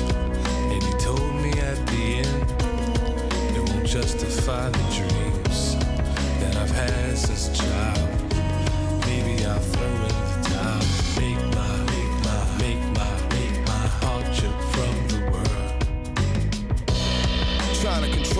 of panic. Unwritten and unraveled, it's the dead man's pedantic, whatever. See, it's really just a matter of semantics. When everybody's fresh out of collateral, the damage and my splaying got me praying like a man as I begin to vanish. Feel the blank canvas. I'm contemplating that special dedication to whoever it concerned. My letter of resignation, fading back to black. My dark coronation. The heat of the day, the long robe of muerte. That soul is in the atmosphere like airplay. If there's a heaven, I can't find the stairway. They told me that the ends won't justify the means. And he told me at the end, it won't justify the dreams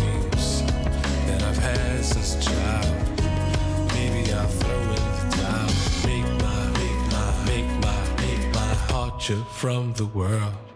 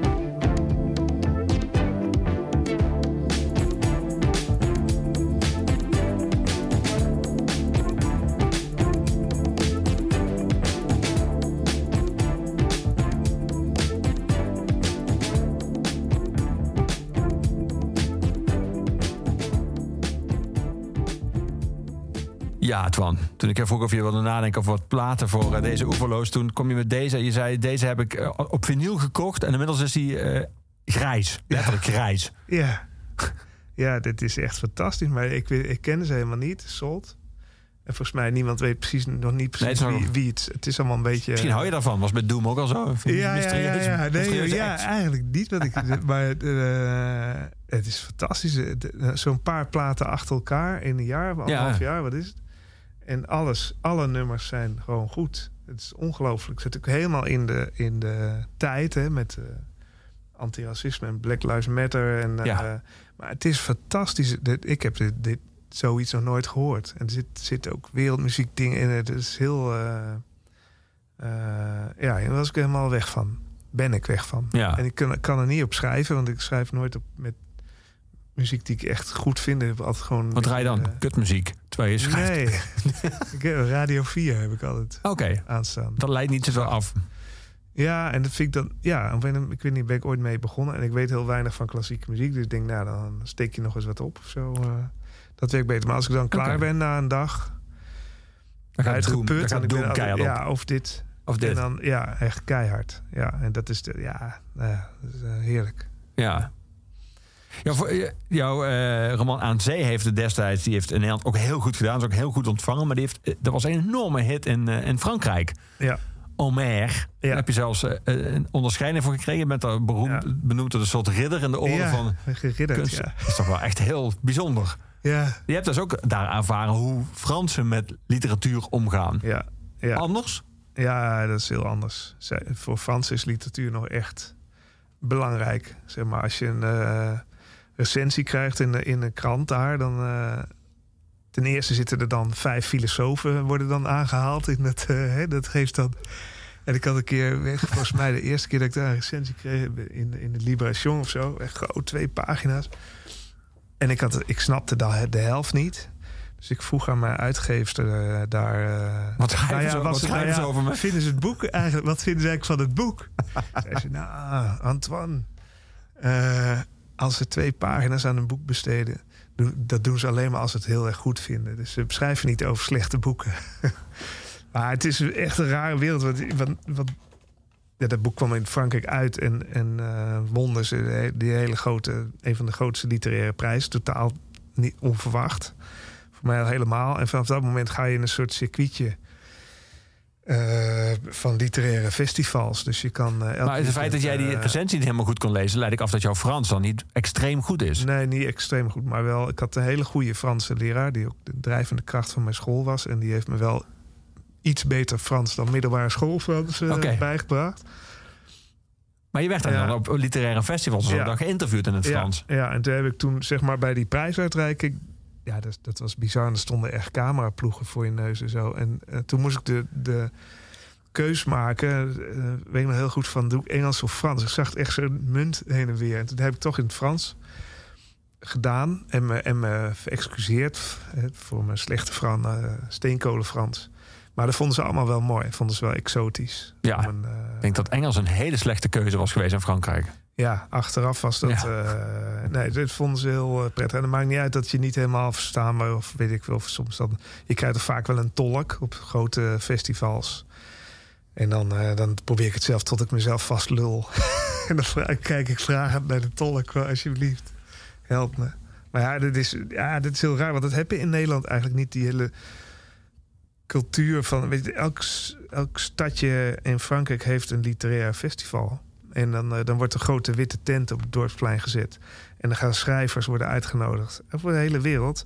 En die gaan achter tafeltjes zitten. De eerste keer wist ik niet wat me overkwam. Er zat zo'n stapel boeken naast me. En, en dan, ja, dan, dan gaan mensen la- langs die marktkraampjes lopen. Af en toe koopt iemand een boek. Of, eh, het ergste is dan als ze dan langslopen en ze bekijken je boek van alle kanten. En dan kijken ze je aan, zeggen niks, lopen weer door. dat heb je. Dat gebeurde er ook vaak. Dat is Tinder voor schrijvers. Ja, een weggeswiped waar je bij staat. vleesmarkt waar je eh, heel maf. En op een gegeven moment dan ga je het waarderen. En dan weet je ook hoe je moet verkopen. Want die, die Franse auteurs die gaan daar staan en mensen en dan lang aan de praat houden. Want dan lijkt het net of er een rijtje voor je staat. Hij is heel, heel, heel. Letterlijk dan marktkoopman van je Ja. eigen literaire ja, waar. Ja, ja. Wauw. Het is heel, eh, ja, een Nederlandse schrijver. God, ja, en het enige wat je hebt is die prijs. En daar komt dan een mooie Ja, rode hij was wel eh, was ongeveer de meest prestigieuze Franse literatuurprijzen. Niet Nee, zomaar. zo. Ja, nee, daarom. Dus dan kreeg je dan vanzelf wel eh, aandacht. En dan win je weer andere prijzen die dan hè, van de. eh, dus ja, dat was heel, dat is heel bijzonder. Nee, je, was echt, je bent echt geridderd. Dat is een, dat, dat, Ja. Ik neem aan dat ook een vrij formeel evenement Ja, heel was. formeel. Ja, was wel in Den Haag op de Franse ambassade. Ja, inderdaad. En van de, de ambassadeur die dan eh, eh, een fantastische speech heeft over mijn leven en werk. Want ik kreeg het ook voor mijn journalistieke werk ineens. Eh, en ja, dan krijg je zo'n enorme medaille opgespeld. Heel officieel. Ik, ik, eerst schaamde ik me een beetje voor.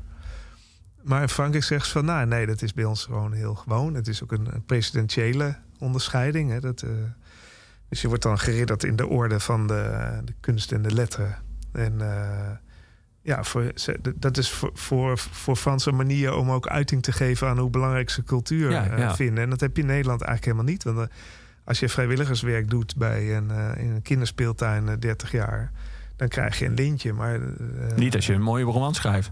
Ja, ik zit even te denken of ik weet of schrijvers in Nederland lintjes hebben gekregen. Vast wel. Ja, als ze ook vrijwilligerswerk doen. En dat, Eh, Ja, als je daar, dan moeten ze wel vrijwilligerswerk bij. eh. Nee, maar, Maar dat, geeft dat je wel, zegt, dat is wel een verschil. maar ja. waarom schaamde je je aanvankelijk een beetje voor?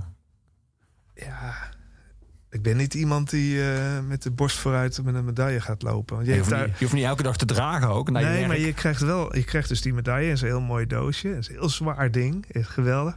Maar er zit een klein eh speldje wat, wat je nauwelijks kan zien bij. En toen ik wegging, toen zei die ambassadeur eh, Antoine. eh, en toen ging hij me even uitleggen. Hij trok me bij de keuken in. Zo van: eh, dit moet je dan zo op je colbert doen. Dat is een soort streepje. De kenners weten dan. Dit is er eentje met een. nou, heb ik nooit, nooit opgedaan. Ik vraag me ook af als je dat hier net zo opdoet. Hoe lang zou het duren voordat iemand zegt... Ja. Maar ben jij drager van een Ja. Franse Ja, ja, nee, dat zouden ze niet. Maar in Frankrijk ben ik één keer iemand tegengekomen die dat ook in zijn revers had zitten. En toen zei ik, hé, hey. zijn collega's. maar het is wel raar, want het geeft wel... Kijk, in Nederland bezuinigen we 200 miljoen op cultuur... en geven vervolgens een miljard uit aan een test, eh, testevenementen. En in Frankrijk eh, doen ze dat niet zo snel, hoewel het daar ook minder gaat met cultuur. Maar daar is het nog wel echt belangrijk. Ja. En, en, eh, Net als in Duitsland eigenlijk. ja, net als in Duitsland. En, en, en dat vind ik in Nederland wel echt een... Echt, eh, Nee, dat is de linkse hobby.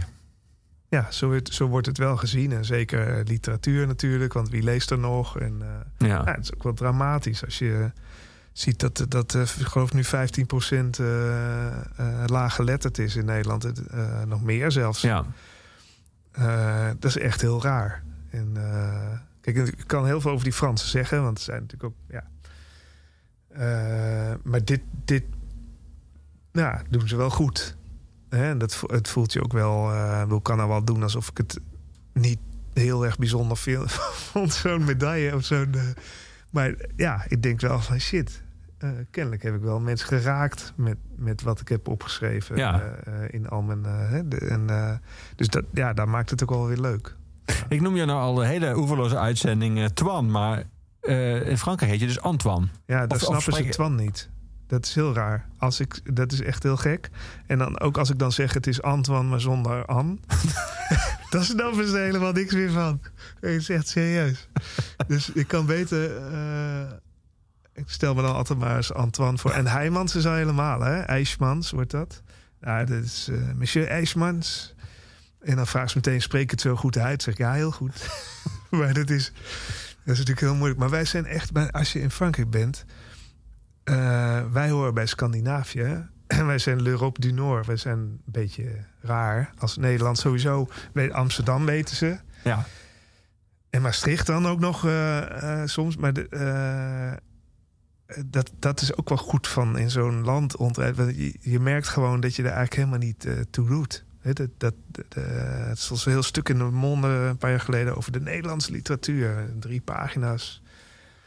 Eh Arnon Grunberg en eh, noem maar op.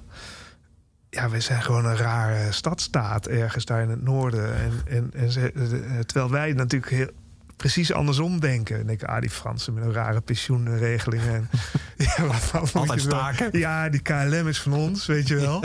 die Fransen denken, KLM, ze mogen blij zijn dat ze, dat ze, bij, eh, hè, dat ze onze kleuren op die vliegtuigen hebben staan. Ja. Wat voor blauw, weet je? Dat is, eh, eh, nou ja, dat is heel verhelderend om zo eens naar te kijken. Ja. We gaan muziek draaien, Antoine. Van iemand, die- jij mailde me dat jij zijn eerste plaat vond jij in de Biep toen je 14 jaar was. Ja, Van Ronald Snijders. ja, ja. In de Biep ging je altijd muziek halen? Ja, ja, ja we hadden eh, in Nijmegen, waar ik ben opgegroeid en lang heb gewoond, dus, had je een prachtige biep. En, en er was, ja, toen ging je daar nog platen, en die waren natuurlijk veel te duur.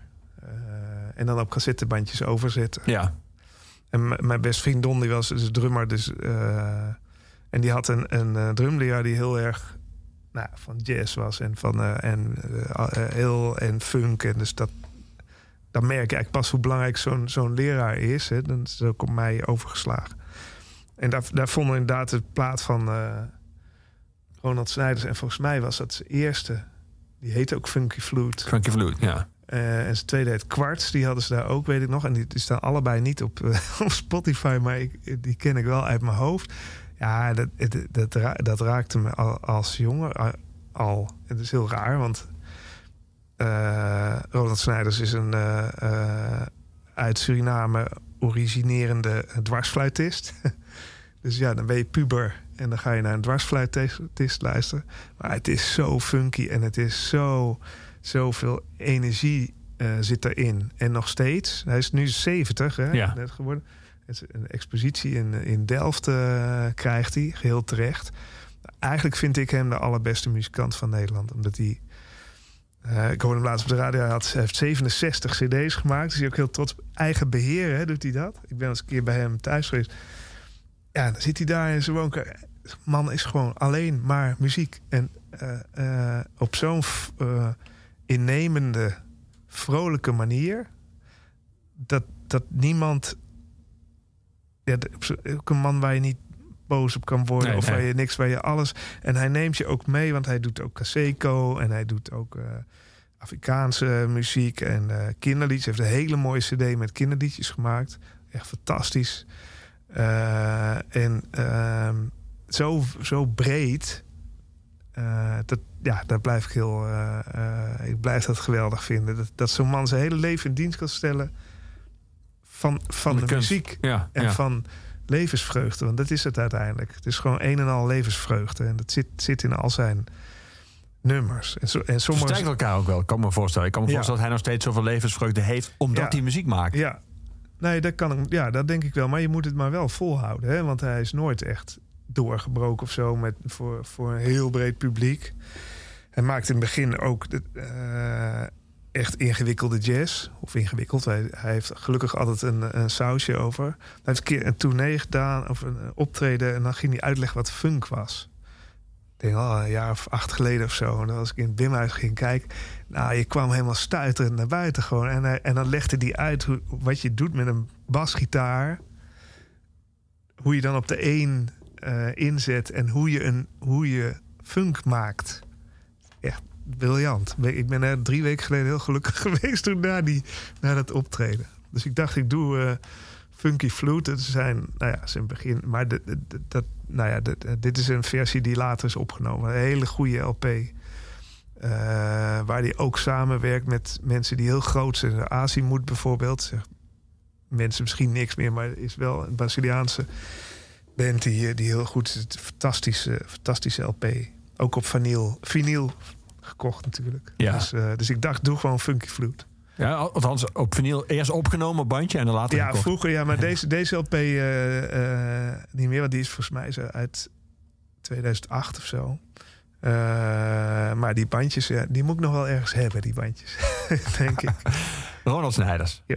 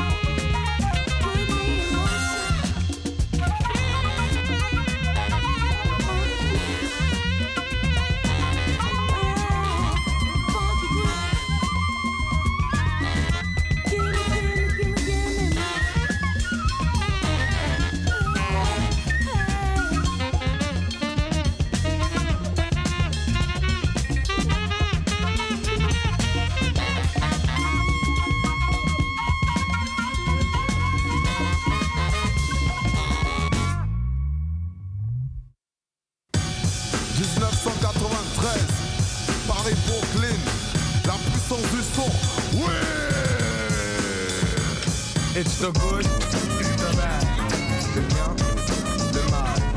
The good, the bad, le bien, le mal. Il était vraisemblable que tous les faux semblants de la farce humanitaire aboutiraient au néant. C'est une boule à facettes, comme dans les discothèques. Ça reflète à la lumière et sans elle du vent. J'aime les images fortes car je suis comme toi. Le poids des mots et le choc des photos. Hey yo, it's time to get up. Time to change the world cause I'm fed up. The streets still in every city. Lots of kids they be ill. I live in Brooklyn, got boys all over. Been around the world and you know that I know the good, the bad, le bien, le mal. The good, the bad, le bien, le mal. So.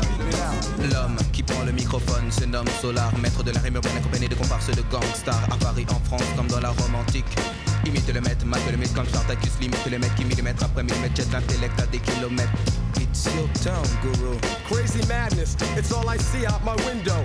It doesn't matter who's the president, yo. I hate to tell you, but slavery is still in effect. Haven't you checked? Us black folks, we ain't free yet. I make a bet. If we don't let the truth out, huh, evil will win without a doubt. And it's the good, the bad, Le bien, le mal.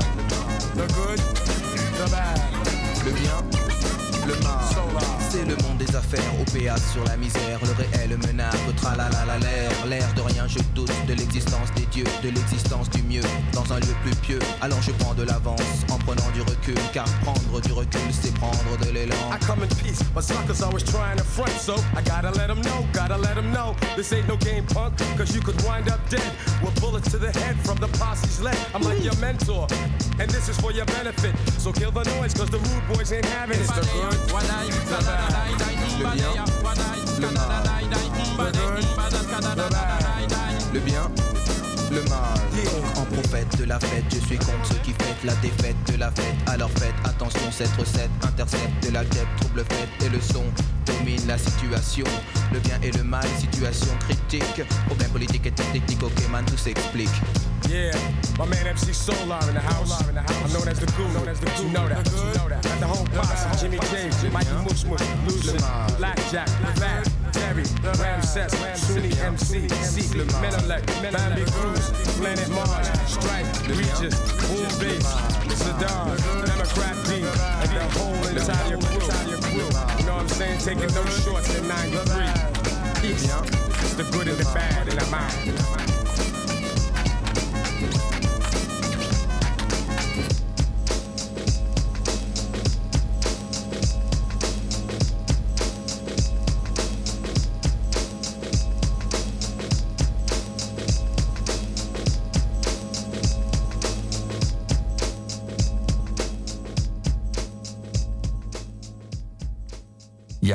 Met MC Salaar. Guru hoorde je, een keuze van mijn gast. En oeverloos Twan Heijmans.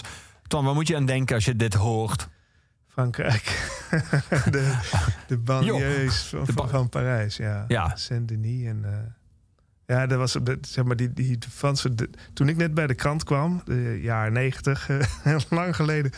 Maar toen ben ik met, eh met Fred de Vries, mijn eh, maat op de krant, een serie gemaakt over hip-hop. in De Fred de Vries, ook die mooie eh, boeken en zo over Zuid-Afrika en de Ja. muziekscene heeft Ja, geschreven. hij woont nu in, eh, in Kaapstad. Ja. En eh, wij waren allebei de, vonden muziek interessant, maar ook vooral wat muziek doet met mensen, met het leven van mensen. En, nou ja, toen zijn we echt gaan kijken naar wat doet, wat doet rap en hip-hop in Europa. Daar was echt nog heel weinig aandacht voor. In Nederland had je, geen, had je nauwelijks rappers nog. Eh, en eh, dus zijn we door heel Europa gereisd. En ook in, in, in Parijs. Eh, en toen kwam net die film uit La Haine, de, de grote Franse eh, hip-hop en banlieue film. Daar waren we helemaal gek van. En, en MC Solar was toen de, nou ja, de, de Franse hiphopman die ook echt internationaal. eh, Ja. En dat is knap, want het, het Frans is niet makkelijk om te rappen. Maar wel heel mooi. Ja, en dat was, was fantastisch. Ik, ja, wij, gi- wij gingen dan gewoon eh, als relatieve jonkies eh, die banlieues in. En dat was echt eh, achteraf ook best wel, best wel heel erg link soms. Om dat, om dat te doen. Omdat die, die omstandigheden daar echt onvergelijkbaar... Ik woonde toen in, in, in de Belmar. En Nederland dacht van, ah, de Bel, maar dat zijn de ghetto's en zo. Nou ja, moest je daar eens komen. Dat is echt een andere, andere koek. Dus daar denk ik aan. En, en ik, ja, je, die Franse, Franse eh, rap is gewoon eigen- eigenlijk soms beter dan Engelstalig. Eh, hoe ze die taal gebruiken. En ze, ze hadden ook een soort taal dat ze woorden omkeren en, en eh, de hele straattaal eigenlijk toen al. En dat, Ja. dat gebruikt. En het mooie wat ik me nog herinner is dat ze eh, bijvoorbeeld NTM, dat is een beroemde, Ja, beroemde band. Ja, die, die, die zijn begonnen eh, met rappen door, door de Liberation te rappen. Of een krant. Want ze konden geen Frans of moeilijk. De krant waar jouw recensie in stond. ja, dat ook nog eens, ja. ja die was. Maar- En, dan, en dan, die gingen ze dan zingen. En waardoor ze Frans leerden en tegelijk een eigen... eh, nou ja, goed, dus... dus en en ja, dat, dat blijft... eh, dat blijft prachtmuziek. En ik vond het, vind het toch mooi, want ik zei al van geen jazz met Tess. het, het wordt zoveel gedraaid.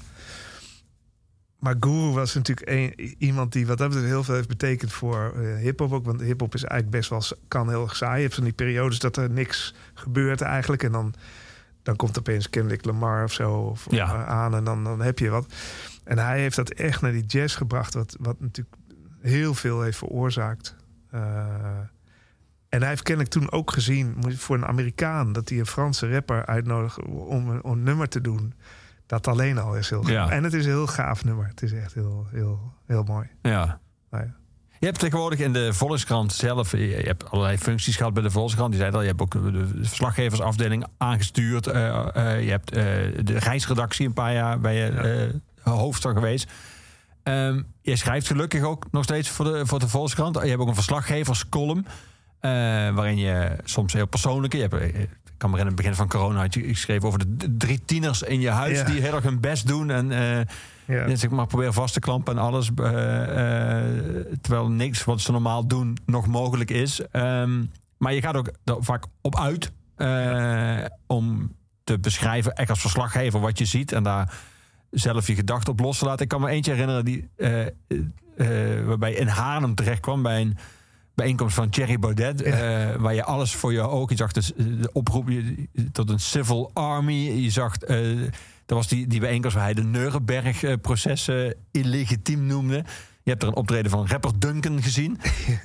Het lijkt me voor jou als verslaggever met zo'n rol... die ook zeg maar, gewoon op dingen, onderwerpen kan springen... die niet per se alleen maar nieuwswaardig hoeven te zijn... maar waar je een soort brede maatschappelijke ontwikkelingen... Kan, helemaal kan inzoomen tot één gebeurtenis. Lijkt me dat een ontzettend interessante tijd, dit. Ja, ja, ja. Nee, dit is zo. Dit is sowieso.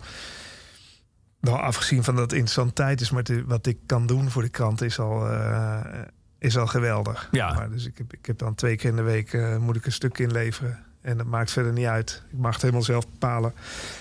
en, eh, en dan mag een mening in zitten of niet. Of, eh, de- en, en, en ja, dat is wat ik eigenlijk doe. Dus de hele dag door Nederland rijden. En eh, geeft ook veel stress. moet ik er meteen bij zeggen. Want je moet wel Met iets komen. de week met iets komen. Maar, maar eh, nee, het is, het is fa- fantastisch. En, en ik vind nu de journalistiek, zeg maar, wordt toch wordt vaak over geklaagd. hè, Kluitjesvoetbal en eh, iedereen over de formatie. Ja. En de, En jij kan de andere kant op rijden, je auto. ja, en dat heb ik altijd, altijd gedaan. En, eh, ik weet, ik ik ooit mee was met, met Willem-Alexander naar Marokko op zo'n, eh, weet je, zo'n zo'n staatsrij. Ja, je moet al lachen, maar dat was inderdaad helemaal zoals je het voorstelt. En dan, ja, dan ging ik toch Hoe lang geleden is dit? 15 jaar of Oh, zo, ja. denk ik. Ik probeer me te voorstellen, als je dan een paar jaar eh, later gedaan, had je wel even je speltje op kunnen doen, vind ik. Als je Ja, naast oh, hem ja, ja, ja. Nee, dat had ik dan, dat had ik dan zeker wel gedaan. Nee, maar dan ging ik, zeg maar, eigenlijk interesseerde hij, mij, hij me niet zo. En, en er waren andere verslaggevers allemaal bezig met, nou, wat heeft hij gezegd en zo. En ik ging dan naar de overkant van de straat in een café staan met, eh, met de Marokkanen. Die zich afvroegen wie die lange eh, witte gast was die daar, die daar stond. Dat vond, dus ik, heb, ik zoek altijd een beetje de, Ja. De, zij, hè, de, eh, de zijkant. En eh, ja, dat kan ik nu gewoon doen. Ja. Dus ik had vorige week... Eh, dan wil ik iets met kernenergie, zeg maar. Want nu is kernenergie... Kernenergie is wel- is wel hot. Ja. In, de, in de mode. En eh, daar heeft hij het over. En dan, daar, daar rijd ik gewoon naar Dodewaard, waar, waar eh, een centrale staat die al 25 jaar uit dienst is. En Maar vroeger alle eh, demonstraties tegen kernenergie waren daar. ja, en waar daar. En dan denk ik van, nou, toch eens kijken. En het is echt altijd als je dan ergens heen gaat, en dan twijfel ik van, nou, dat wordt vast niks. En dan kom je toch daar de site manager tegen, die al 40 jaar daar werkt. En die dat hele ding onderhoudt terwijl het ding afsterft. Hè? Want het is, ja, het is ook nog gevaarlijk en zo. Is het toch weer een verhaal. Ja. En dat is, eh, ja, dat is fantastisch om te kunnen doen. Maar is het, is het, vind je het een verwarrendere tijd? Bijvoorbeeld dat verhaal over eh, die bijeenkomst van Thierry Baudet. Die, die is, Ja. natuurlijk, is natuurlijk hartstikke rechts in alle zinnen van het woord. Maar dan, Ja. dan spreek je daar mensen die uit een PSP-nest komen. Ja. Mensen die zichzelf als sociaaldemocraat beschrijven. En die staan wel heel enthousiast voor hem te klappen. Eh, dat was vroeger, en allerlei, eh, als je de wereld nog overzichtelijk kon opdelen... en links en rechts, of allerlei schema's, was dat ondenkbaar. Nu loopt dat eigenlijk allemaal door elkaar. Net zoals op het Museumplein. Hele linkse, alternatieve mensen die met zingeving bezig zijn. Elke zondag demonstreren onder leiding van Willem Engel tegen het coronabeleid. Dat is Ja. allemaal heel, helemaal door elkaar gemixt, lijkt het. Ja. Nou, ja, jij, dat heeft, jij moet dat allemaal duiden.